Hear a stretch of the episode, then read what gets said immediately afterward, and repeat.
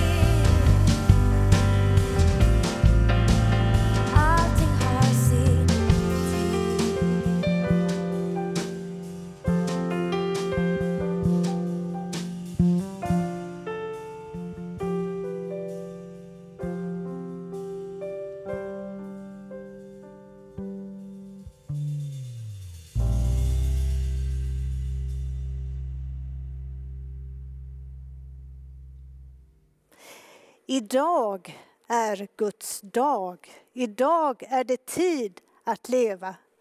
Idag är Guds dag och alla andra dagar finns Gud. Allting har sin tid. Tack för den sången. Det var inledningen av Predikaren. Och jag tänker idag prata om några olika kapitel som finns i våra liv. Jag heter Marianne Andreas och jag har haft förmånen att vara pastor i den här församlingen några år. Några fantastiska år när jag tillsammans med Martin Boström delade ansvaret för Bibelskola Väst. Vi inledde alltid våra terminer med att resa till de heliga platserna, Israel, Palestina och sen ha det som utgångspunkt när vi läste Bibeln och fann de olika platserna i Guds ord. Sen avslutade vi med en retreat på församlingens gård, Järnholmen. Och där summerade vi Bibelskolans år. Jag hade gärna fortsatt med det, men så ringde det där samtalet från huvudstaden. Och jag stod nere i Bibelskolans då ganska slitna lokaler och svarade på ett 08-nummer. Och då var det en fråga som kom. Vill du ge några år för att vara frikyrkosamordnare på Sveriges frikyrkosamråd och Sveriges kristna råd? Och jag frågade min man. Och jag frågade nog jak Tommy Adenfors. Han var tveksam. Men så frågade jag Gud. Och Gud nickade och sa, åk iväg. Så jag har tillbringat 15 år i huvudstaden och eh, fått hålla samman frikyrkofamiljen med gemensamma uppdrag som sjukhuskyrkan, andlig vård inom kriminalvården, andlig vård inom universitetskyrkan. Men jag hade också ett uppdrag och det var att flytta in lilla frikyrkosamråd i det stora Sveriges kristna råd. Och det var ju ett uppdrag som också innebar att jag avskaffade mig själv. Men det lyckades jag med lagom till att det var dags för att gå i pension. Och sen fick Christer och jag flytta tillbaka till Göteborg och nu är vi här. Och jag tänkte att nu blir det fina år i Smyrnakyrkan. Jag ska få vara församlingsmedlem och återvända till det, mitt ursprung här i Göteborg. Men då hände det sig en sommar söndag, ungefär som idag, att eh, det var en sommarsångskväll, tror jag det var, här ute i entrén. Och då kom det en ordförande för Sveriges Skandinaviska turistkyrkan och knackade på axeln och sa Marianne, jag vill tala med dig. Och då får man alltid tänka efter, nu vill någon tala med mig. Har jag gjort något fel eller vad kan det hända som, vad är det han vill tala om? Ja, då ville han tala om ett uppdrag på Teneriffa inom Skandinaviska turistkyrkans ram.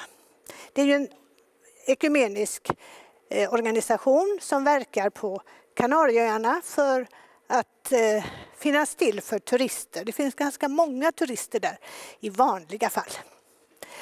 Och så blev det så att jag sa ja en gång till, frågade min man och han var pigg på det och Gud nickade igen. Så de senaste tre åren har vi varit i Puerto de la Cruz på Teneriffa och haft ansvar för verksamheten där. Men så slog pandemin till och med hast fick vi packa ihop och stänga kyrkan, lämna nycklarna till den spanska församlingen och förra året så fick det bli en vilande verksamhet.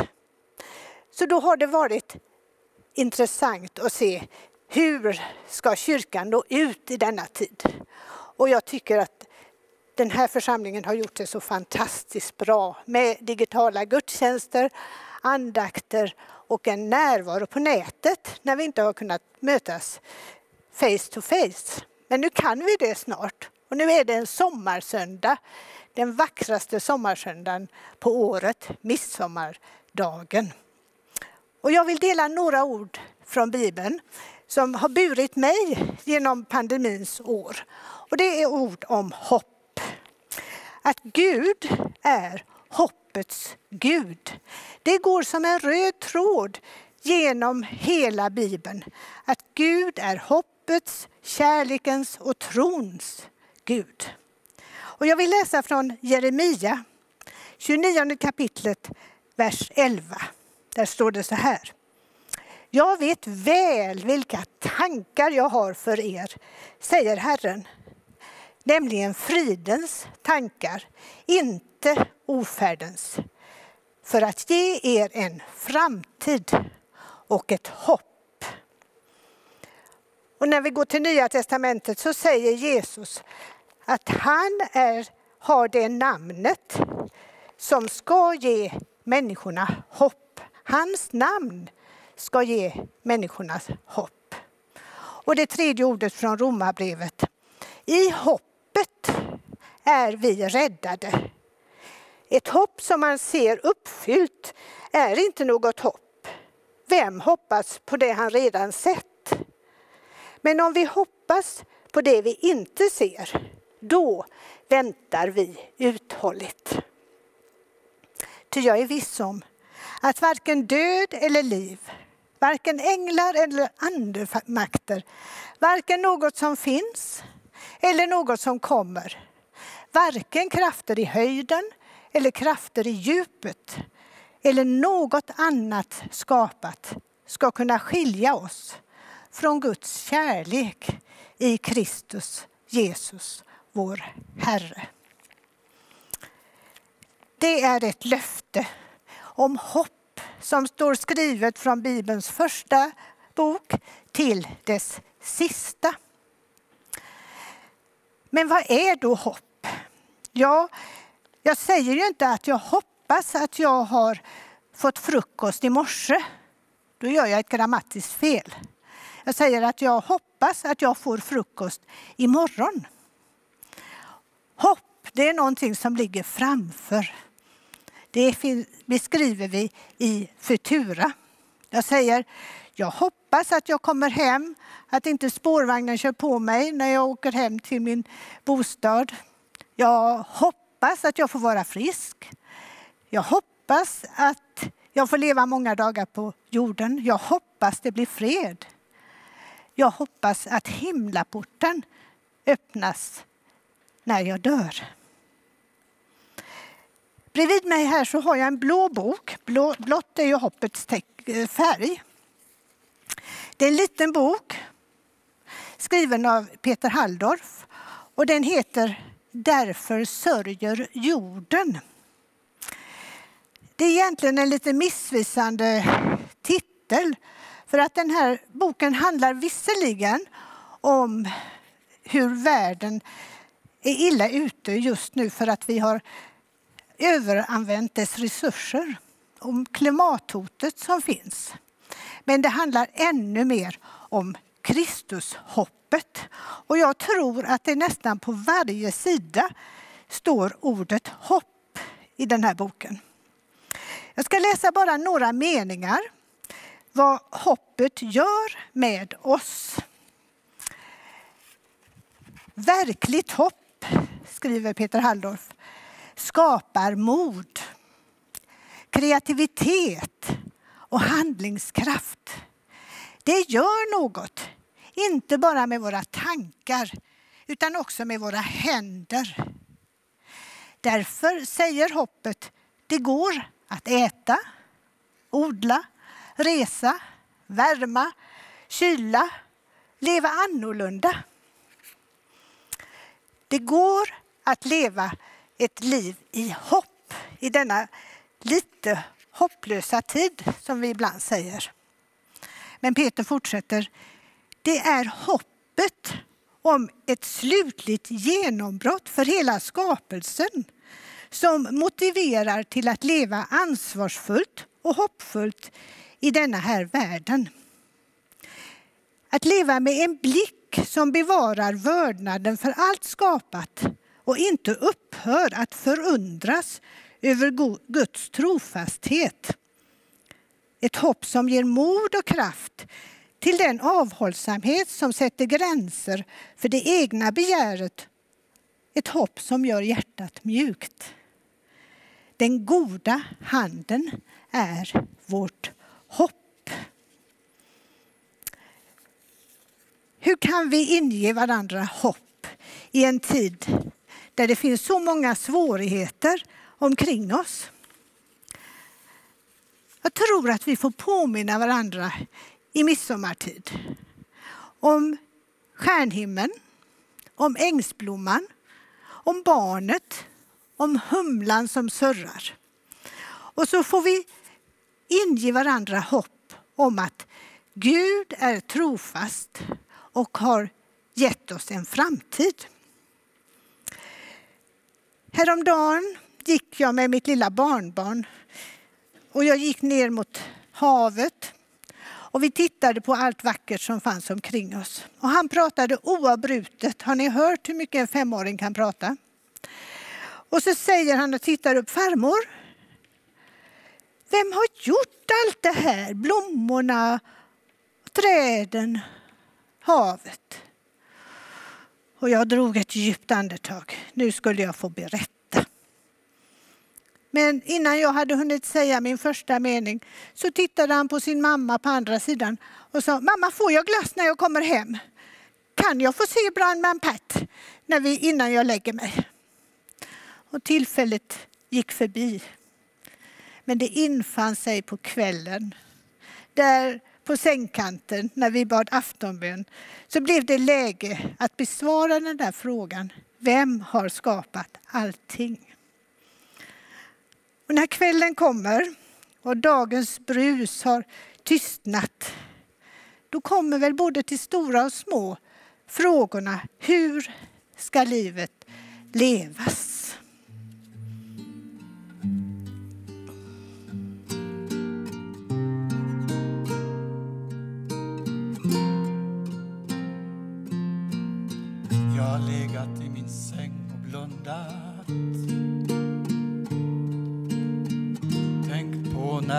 Jag dör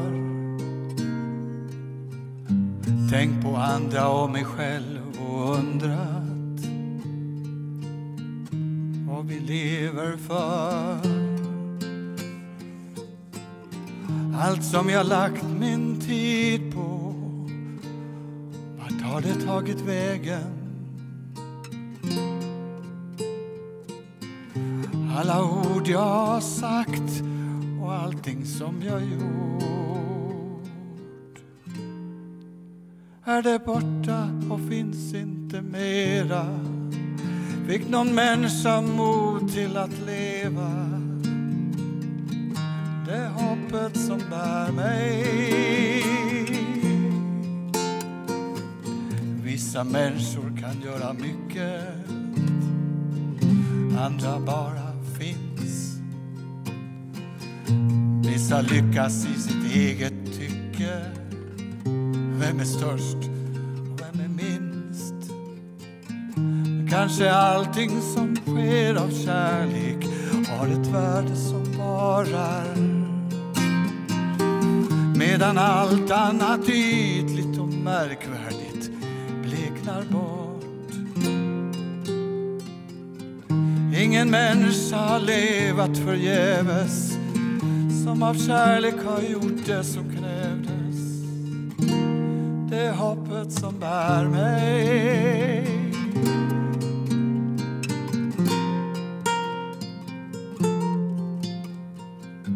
När en vacker dag mitt liv är över och min tid är slut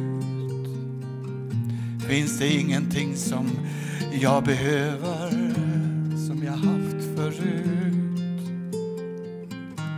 Ju mera den tanken slår mig desto bättre förstår jag att en gång har jag ingenting jag kan lita på utom löftet jag fått utav en som har dött men har uppstått igen. Det är hoppet som bär mig.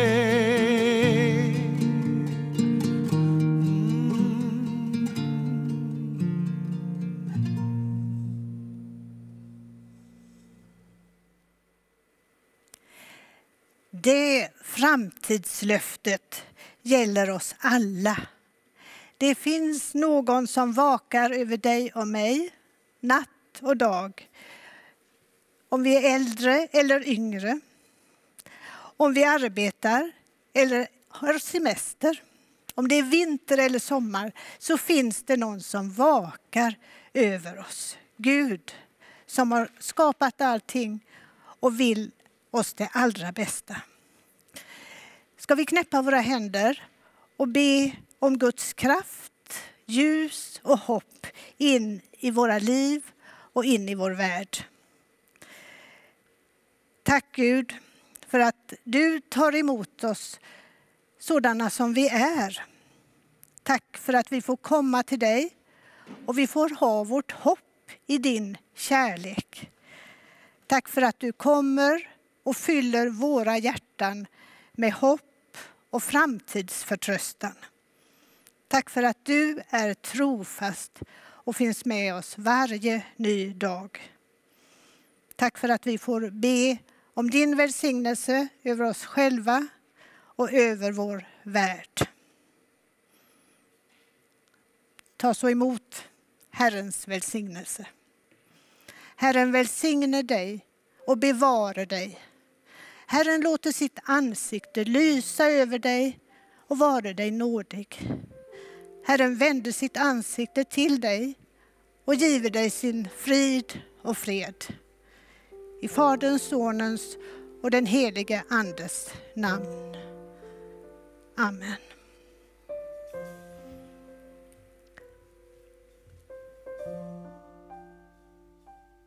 Tack för att du har varit med och delat den här sommargudstjänsten.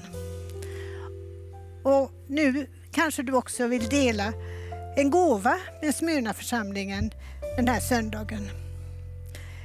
Dagens kollekt går till Smyrnakyrkans arbete och eh, du har tillfälle att ge din gåva nu i slutet av gudstjänsten medan det här fantastiska musikerteamet spelar och vi dröjer i bön. Tack för att du har varit med och Gud välsigne dig.